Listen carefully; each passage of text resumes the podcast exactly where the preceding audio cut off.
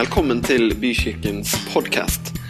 For mer informasjon om oss cvvvbykirken.no.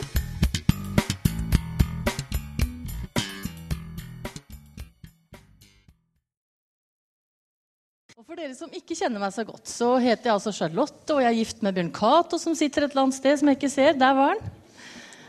Og vi har eh, to sønner sammen, så det er vi veldig takknemlige for, da. Og jeg har min bakgrunn i diakonien og i psykologien, og det vil de kanskje merke litt i dag. Jeg har bl.a. jobba som sognediakon på Tjøme, i Kirken Den norske. Og da skjønner du at jeg har min bakgrunn i lutherske sammenhenger. Og det kan være moro, for der går vi ofte sammen sånn en tre-fire stykker og spleiser på et halleluja. Det er undervurdert. Så det er ikke så dumt. I dag har jeg lyst til å snakke om et tema som eh, står der oppe. Vennlighet kan utrette mye. Og jeg har lyst til å gå litt til verks og ta med noen Pauli-ord. Men jeg har ikke tenkt å gå så langt som jeg hørte en predikant gjøre. Han eh, var veldig opptatt av Paulus sin teologiske plassering. Og han tok med forsamlingen på det ene og det andre teologiske poenget. Og spurte forsamlingen stadig, kjære venner, hvor skal vi plassere Paulus teologisk? Og det ene poenget kom, og det andre poenget kom. Og for ørtende gang så sa predikanten, kjære venner, hvor skal vi plassere Paulus teologisk? Og da var det en som reiste seg og sa at du kan plassere den her, for nå går jeg. Så jeg håper at jeg ikke skal holde på fullt så lenge. Men før vi går til Paulus teologiske plassering, så er det et lysbilde til. Hvis jeg kan få neste slide. For jeg har nemlig lyst til at vi skal dissekere litt dette ordet vennlighet. Både se hva det er, men også hva det ikke er. For det kan være litt sånn opplysende. Og det som er det første ordet, det er ifra Eller det er noen sånne helt sånne generelle, da, som ikke er sånn veldig bibelske akkurat, men som kanskje godt kunne vært det. Mark Twain er den første som kommer opp der. Og han sier at vennlighet det er et språk som selv de døve kan høre, og de blinde kan se. Ta med deg noen sånne elementer nå for å få det bygd opp inn mot vennlighet. Og En romersk keiser og filosof sa at vennlighet er uovervinnelig. Hvis den er ekte, da, og ikke bare et påtatt smil. Og de vennlige orda som sies i dag, kan bære frukt i morgen, er en annen. Fra Gandhi. Og så syns jeg det er litt morsomt at faktisk vennlighet det er en metode som benyttes i psykologien og i pedagogikken. Det kalles for paradoksalteknikk. Og det går rett og slett ut på det at man prøver å besvare aggresjon med vennlighet. Og det gir resultater. Det er ikke verst. På neste slides så har jeg tatt med en liten ting fra et intervju. Mental Helse hadde en sånn verdensdag. Og Der var det gjort noen intervjuer hvor det var flere som sa at det å kunne møte andre og bli møtt av andre med vennlighet, det bidrar til god psykisk helse. Tenk på det. Og like morsomt syns jeg også det er at eh, til og med Legeforeningen har skjønt at vennlighet ikke er så dumt. da. Og Det var sånn at det, var, det er gjort en studie nå hvor 24 behandlingsteam som jobba i nyfødtmedisin, de var med på et studie. Det de ikke visste om De skulle behandle kritisk syke små barn. da.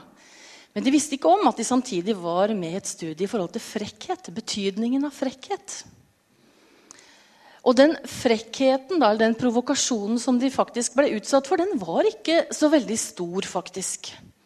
Men den kunne være f.eks. sånn at en kom og sa ah, 'Jeg er ikke så veldig imponert over det jeg har sett på sykehuset deres så langt.' Det var én type provokasjon. Men selv den lille provokasjonen der, den fikk betydning. Den fikk en negativ effekt på ytelsen til disse som skulle jobbe med nyfødte små barn. Det er verdt å ta med seg litt sånt òg. Det er moro. Når de faktisk forsker på det også, det syns jeg ikke er verst. På neste slide så har jeg tatt med litt om hva vennlighet ikke er. Du og jeg vi lever i en del av verden som eh, er ekstremt opptatt av individualisme. Vi lever i en individualistisk kultur, kultur i motsetning til en kollektivistisk kultur. Da. Og av og til så kan vi nesten tenke sånn at vi er så individualistisk opptatt at vi nesten drukner i vårt eget navlelo. Det er ikke bra. Eh, og kanskje det er noe av grunnen til at det ikke alltid er like lett å få gjennomslag da, for vennlighet i utgangspunktet, som er en sånn relasjonell ting. Det oppstår i samspillet mellom noen. Og jeg synes at Ole Brumm han er jo eh, en kar som mange forbinder med vennlighet. Han er så koselig, og Det er mange sånne koselige små ord som er skrevet fra Ole Brumm, og det er vel og bra. Men Ole Brumm er jo på en måte ikke kjent for å kanskje være veldig overmøblert i toppetasjen. Litt glissent møblert, rett og slett. Han er litt naiv. Han er litt enkel. Og kanskje litt ukritisk innimellom. Men jeg har lyst til å slå det fast at den type vennlighet snakker jeg ikke om i dag. Og den type vennlighet snakker heller ikke Bibelen om. Så skrell bort det når du nå skal høre videre om vennlighet. da. Og jeg har tatt med meg et bilde fra Dalai Lama. Som eh, Han kan også si oss noe godt. Gud bruker alle. Det er helt flott. Og det er litt sånn oppsummert, for vi kan jo kanskje si det sånn at vennlighet betyr ikke at man aksepterer alt det andre gjør. Det betyr det heller ikke. Men vi skal snakke litt mer om hvordan man sier ting. da. Hvordan man kan være uenig òg, kanskje. Og da er vi over på den litt mer bibelske bruken av ordet vennlighet. Så På neste slides her så har jeg tatt med et Pauli-ord som kommer fra Filipperne 4-5. Det er sikkert veldig kjent for deg. La alle mennesker få merke at dere er vennlige, for Herren er nær. Vet du, det ordet, Hvis du går til grunnteksten, så har den en helt spesiell betydning. og Det syns jeg var litt morsomt å finne fram til. For det er et begrep, ordet 'vennlig', er altså brukt om konger og fyrster som lot være å vise sin makt. Konger og fyrster hadde masse ressurser. De hadde penger, økonomiske ressurser, de hadde kunnskap, de hadde status, og de hadde en posisjon. Mange muligheter her, altså. Til å få gjennomslag for viljen sin og til å få igjennom det de ville. Men den som har maktressurser uten å bruke dem, utøver ikke makt. Og sånn er opprinnelsen til dette verset. Vi hører også om synonymer som mildhet, saktmodighet. At man er villig til å gi opp sine rettigheter for å vise respekt overfor andre. Godhet blir brukt. Og en fredelig og sømmelig ånd blir også brukt. Hvis vi går til et annet vers i ordspråkene, fra 1624 der, så er det skrevet at vennlige ord er som dryppende honning, søte for sjelen og sunne for kroppen. Det er altså psykisk og fysisk velvære forbundet med vennlighet. Og til slutt så skal vi også se at vennlighet er en av åndens frukter. Det leser vi om i Galaterne 5.25. Og skal vi se Får jeg et nytt slides? Jeg hadde lyst til å ta med litt fra faget mitt holdt jeg på å si, om psykologien. da. Hvorfor i alle dager skal vi være vennlige? Og jeg husker at jeg lærte om en type atferd som kaltes for A- og B-atferd i psykologien. Hvor en type atferd var en sånn type som var litt rastløs, utålmodig, skikkelig høyt tempo, konkurransementalitet tendens til å avbryte andre. Og så var man litt fiendtlig. Og det er særlig denne siste egenskapen som fikk betydning. Mens en type B-atferd det var mer en litt sånn rolig og avslappa og vennlig uten konkurransementalitet. Det er ikke sikkert at du kjenner deg igjen i den ene eller den andre, for vi er jo litt begge deler. ikke sant? Så sånn er det jo bare. Men det de fant ut, da, det var rett og slett at statistisk sett så er det en lett økning i risiko for å få hjerte- og karsykdommer hvis du har en sånn type A-atferd. Det er særlig den fiendtligheten som er en del av det.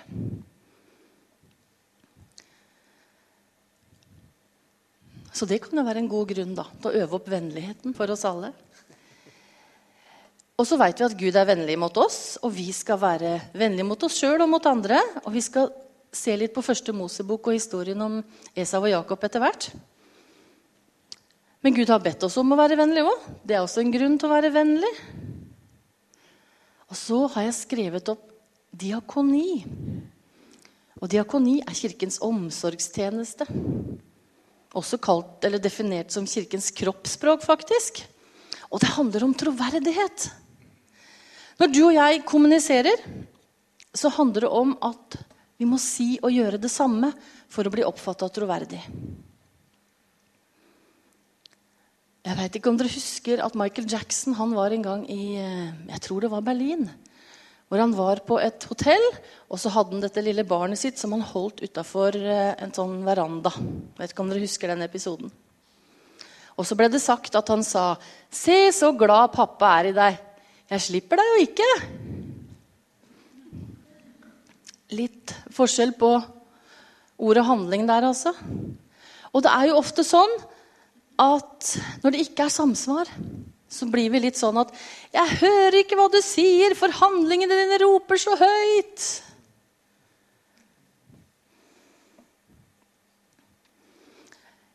Jeg har et nytt uh, lysbilde hvor jeg uh, ser litt på åndens frukter. Og det er ni stykker da, som særlig er nevnt. Og du har kanskje hørt om kardinaldyder, sånn som måtehold og mot og visdom og rettferdighet. Men Bibelen har egentlig også sine dyder. Og dyder det er eh, en karakteregenskap som kjennetegnes ved at vi har en moralsk holdning og handling. Og dette er de bibelske dydene. Og vennlighet er en del av det. Det er en av åndens frukter, altså. Neste. Jeg har lyst til at vi skal se litt på to brødre. To tvill, altså et tvillingpar, rett og slett, som du helt sikkert har hørt om og kjenner. Regner jeg med. Um, og så skal vi se litt på hvordan vi da kan være vennlige. Og jeg tror at denne historien fra Esav og Jakob kanskje kan belyse det litt for oss. Um, en som heter Morris Gilbert, han er en sånn teologisk professor som har skrevet masse bøker om ulike karakterer og skikkelser i Bibelen. Han har også skrevet en bok om Jakob. Um, og han eh, forteller litt om hvordan han tror, ut fra de tekstene som han har tilgjengelig, da, hvordan Jakob og Esau også var. Og det var interessant å lese at allerede tidlig, altså i mors liv, i mors mage, så kjente mamma Rebekka at det var et vanskelig svangerskap. Det virka rett og slett som de barna som hun bar der inne, de konkurrerte med hverandre allerede i mors liv. Og det viste seg jo at når de kom ut, så var de veldig forskjellige. Det var to svært ulike brødre. Esau han kom først. Eldstemann. Han eh, kan vi egentlig finne ut av at kanskje er en eh, en litt tøff type. Glad i jakt, f.eks. Elska å gå og skyte på det ene og det andre. han. Ute i skogen og var kjempedyktig på det også. Men så leser vi òg at han egentlig ikke brydde seg så veldig mye om hva førstefødselsretten, som han jo hadde fordi han var eldst, hva den egentlig innebar. Førstefødselsretten den betydde at han skulle arve dobbelt del av arven. Men det betydde også at han skulle arve velsignelsen og den evige pakten, altså avtalen med Gud. Så det var ikke noe småtteri. Og Esau brydde seg kanskje ikke så mye om akkurat det. Jakob han var yngst. Han virker som en mye mer sensitiv type, sier Morris. Han var ofte å finne på kjøkkenet sammen med mammaen sin. Der hjalp han til med matlaging. Men én ting han var en skikkelig luring. Tidlig en skikkelig luring.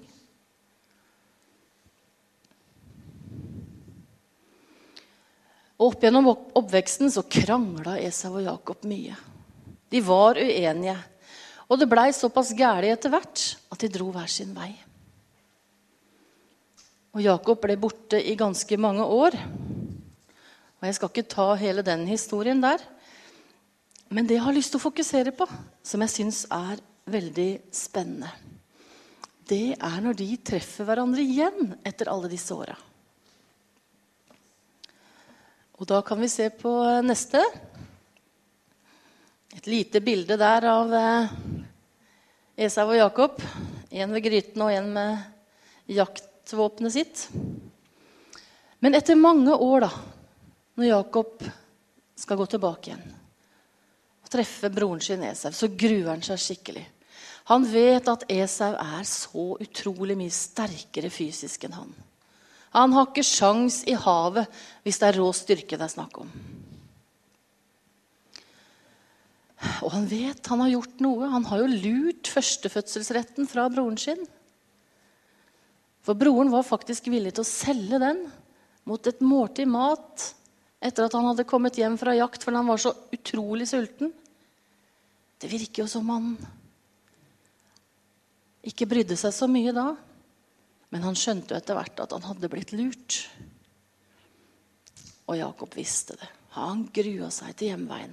Så han tenkte det er best at jeg sender en del sånne gaver og litt utstyr og folk i forveien. Håpe at jeg vinner gunst hos broren min. Men så skjer jo det helt fantastiske. Det helt fantastiske. Når Jakob er så redd for å møte Esau igjen, så treffer de hverandre. Og så sier Jakob til Esau For da jeg så ditt ansikt, var det som jeg så Guds eget ansikt. Så vennlig var du imot meg. Og her er grunnteksten på ordet 'vennlig' akkurat det samme som jeg fortalte om fra Filipperne 4.4 og la være å vise sin makt. Jeg elsker det bibelverset der.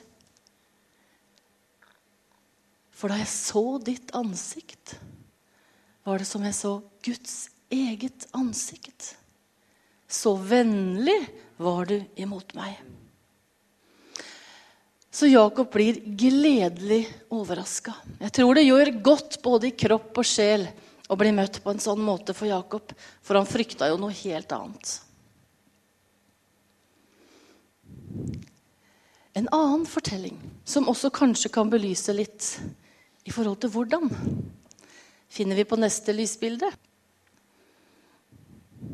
Og det er en historie som jeg har henta fra ei bok som eh, nå avdøde prest og forfatter Karsten Isaksen har skrevet.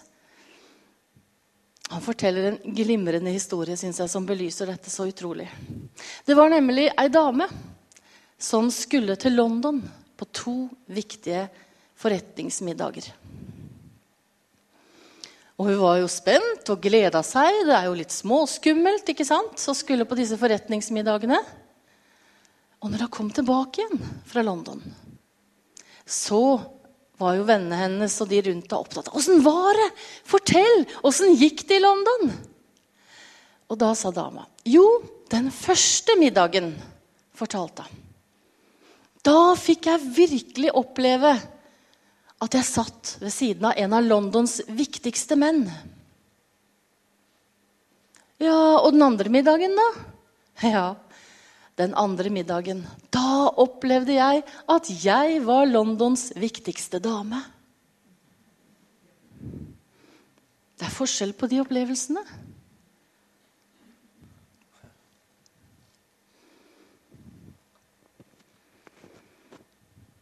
Ok, så hvordan? Vi fortsetter med et bilde til. Hvordan kan vi være vennlige? Vi trenger jo øve oss, alle sammen. Men vennlighet og vennlige mennesker de er ofte veldig følsomme og oppmerksomme på andres behov. Og så handler man ut fra det, fra de behova som man ser. Og I Filipperne 2,4 så leser vi at ingen av dere må bare trakte etter det som er best for en selv, men også etter det som gagner den andre. Prøv å se. Se med øynene er ikke sikkert alltid hjelper, men se litt med hjertet òg.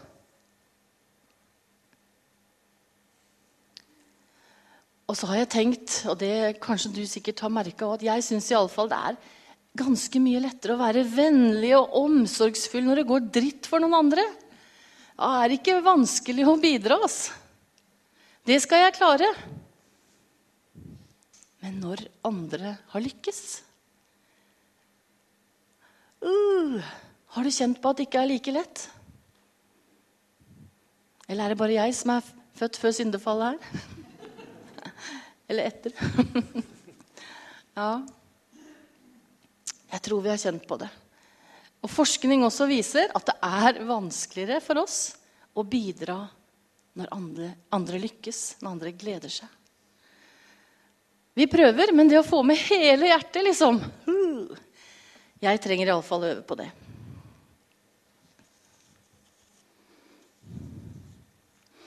På neste slide så kan vi se at i Galaterne der også mens vi har anledning, la oss gjøre det gode mot alle, og særlig dem som er troens folk. Galaterne 6,10. Vi får altså egentlig en oppfordring om ikke å vente med vennlighet. Det er ikke noe å vente på. Det er egentlig bare å kjøre på. Det passer alltid å være vennlig. Ingenting å vente på. Det er ikke noe vits i å se an anledningen, se an folket, mm, vurdere litt. Nei, det er ikke noe vits i. Vennlighet passer alltid. Og så har jeg på neste slidesen en liten oppsummering, kanskje. Vennlighet kan utrette mye og vi har hørt at det å bli møtt med vennlighet det gir jo egentlig en eh, opplevelse og en bekreftelse på egen verdi. Hvis du husker historien fra London om de to middagene. Denne dama fikk jo virkelig oppleve seg verdifull. Det var det som var forskjellen. Hvis andre bare prater om alt de gjør, og alt de kan og alt de får til, og du blir stående der, så Ja, du får ikke så stor opplevelse av egen verdi alltid. Og så husker du kanskje at jeg innledningsvis også nevnte at dette var en metode i psykologi og pedagogikk. Paradoksal teknikk.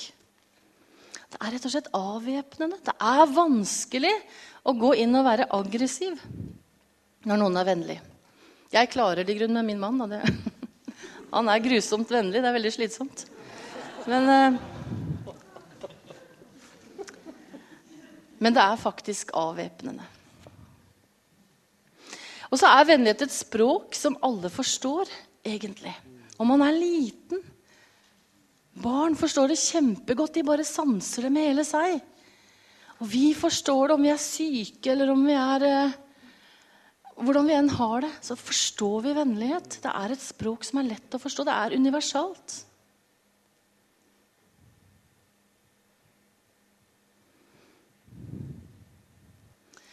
Og så syns jeg vår skaper er ganske genial da, når han har laga det sånn at når du og jeg er vennlige mot andre, så opplever vi glede sjøl. Vi opplever velbehag, fysisk og psykisk god helse. Vi blir en bedre utgave av oss sjøl. Det er jo en genial måte å gjøre det på, da. Og så husker vi at når vi er vennlige, så er vi bærere av åndsfrukt. Det er jo ikke så dumt.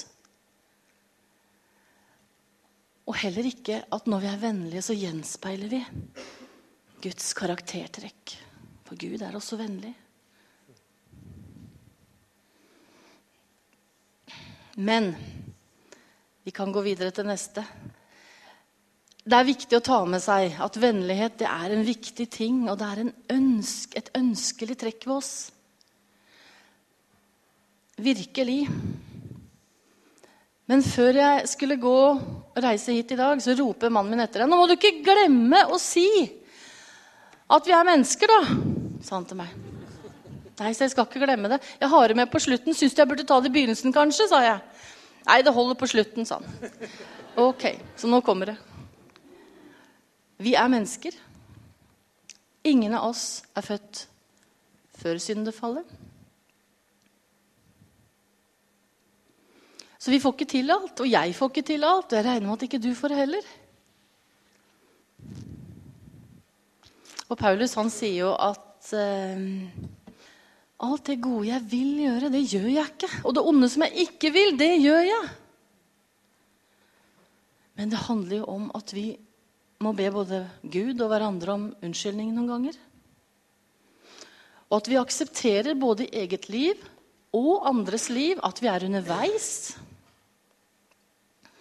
Vi trenger tilgivelse både av Gud og mennesker. Sånn er det. Sånn er det. Men like fullt så er vennlighet noe vi skal løfte fram, da. Uten at vi skal bli deppers av det. Jeg er det sanne vintreet, og min far er vingårdsmannen. Hver gren på meg som ikke bærer frukt, tar han bort. Og hver gren som bærer frukt, renser han for at den skal bære mer frukt. Og litt videre så leser vi også at 'bli i meg, så blir jeg i dere'. Disse bibelversene er veldig tydelige på at um, i absolutt alle ting så er du og jeg veldig avhengig av en livsforbindelse med Jesus. Det er det som er hemmeligheten. Vi er avhengig av et dypt og varig fellesskap med Han. Og frukt det er resultatet av en prosess. Det er ikke noe som ser smakk, og så er vi i gang med full frukt. Moden frukt. Men frukt er resultatet av en prosess som vi på en måte må anerkjenne både i eget liv og i andres liv. Og så har vi også hørt at frukttrær det trenger jo beskjæring. Og På siste slidesen her nå, eller neste, så har jeg litt om beskjæring av trær. Litt sånn tips fra hageland.no. Det er mye åndelig fint å hente der. altså. Og det var en kollega av meg på Elius som jeg jobber sammen med, som eh, hadde noen gode Hageland-tips som jeg har tatt med til oss også. Og der står det bl.a. at eh, det krever kunnskap for å beskjære trær, for å gjøre det riktig. Og det er Gud. La Gud ta den jobben der. Det er Han som kjenner oss aller best. Han har skapt oss, han har villet oss. Vi lar han ta seg av beskjæringa. Sånn at ikke du og jeg skal prøve å beskjære hverandre. Ikke gjør det. Og så er både Bibelen og Hageland helt på nett. For de sier rett og slett at uh, Beskjæringas mål det er å stimulere til mer frukt. Så der er, vi, der er de helt like. oss. Og så syns jeg også det er godt at Gud han kjenner oss så godt. Og den som skal beskjære frukttrær, vet også det. At frukttrær beskjæres til litt forskjellige tider. Det handla visst om, om hva slags type kjerne det var. Altså, jeg er veldig dårlig på sånn frukting. Men jeg skjønte iallfall at alle trær beskjæres ikke til samme tidspunkt. Og jeg tror Gud tar hensyn. Han ser oss, han ser deg, han ser meg. Han er en gentleman. Han er en god fruktbeskjærer. Han gjør ikke dette sånn voldsomt. Han bruker gode redskaper. Det er lurt, står det også på Sageland. og det, Jeg tror at Gud veit hva som trengs, og når det trengs. ja altså. Men så står også det at snittet må være på en måte rent og fint. Det må ikke være for stort. Det må være riktig snittflate. For hvis ikke det er det, så blør treet. Og jeg husker at Bill Hybels en gang fortalte en historie. Han var jo pastor, ikke sant? er pastor i Willow Creek utafor Chicago. En kjempesvær menighet. Og det var en del mennesker som kom til han for å fortelle han hvordan han burde være, og hva han burde gjøre, og det ene og det andre. Og det var en gang det kom et menneske til han og fortalte noe om hvordan han burde endre seg. Og det ble sagt på en måte sa Bill Hybel, som gjorde at hjertet mitt klarte bare ikke å ta det imot. Jeg klarte det virkelig ikke. Og han sa til vedkommende at vet du hva? Jeg hører hva du sier, og jeg tror sikkert det er noe viktig, men måten du sier det på nå, gjør at hjertet mitt klarer ikke å ta det imot.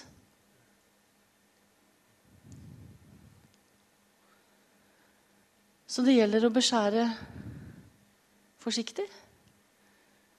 Og ha respekt for, respekt for alt rundt det.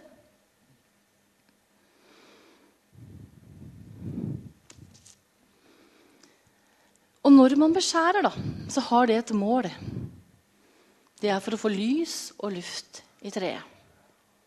Bladene tørker fortere opp når det er lys og luft i treet. Og da unngår vi sopp og råte.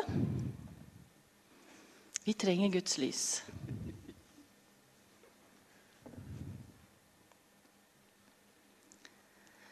Og så var det også litt artig å lese om at disse greinene da, de må ha en spesiell vinkel. Det er ikke alle greiner som skal bevares, for det er noen vinkler som er uheldige. Kommer det snø og tunge ting, så tåler jo ingenting. vet du. Så det må ha en vinkel som er optimal. Og vi også må ha vår vinkel. Vi må se oppover. Opp på Han som har skapt oss og villet oss. Og så er det noe som heter konkurransekvister. har jeg hørt om. Det har jeg aldri hørt om før, Men det er vi sånne kvister som bare skyter rett oppover. Og jeg ser for meg noen sånne albuer. De blir tatt bort. Og så står det for all del 'unngå todelt krone'. Ikke heldig med todelt krone. Og hvis disse konkurransekvistene får være, så vil det bli en todelt krone. Og det treet med en todelt krone de deler seg lettere når de blir eldre.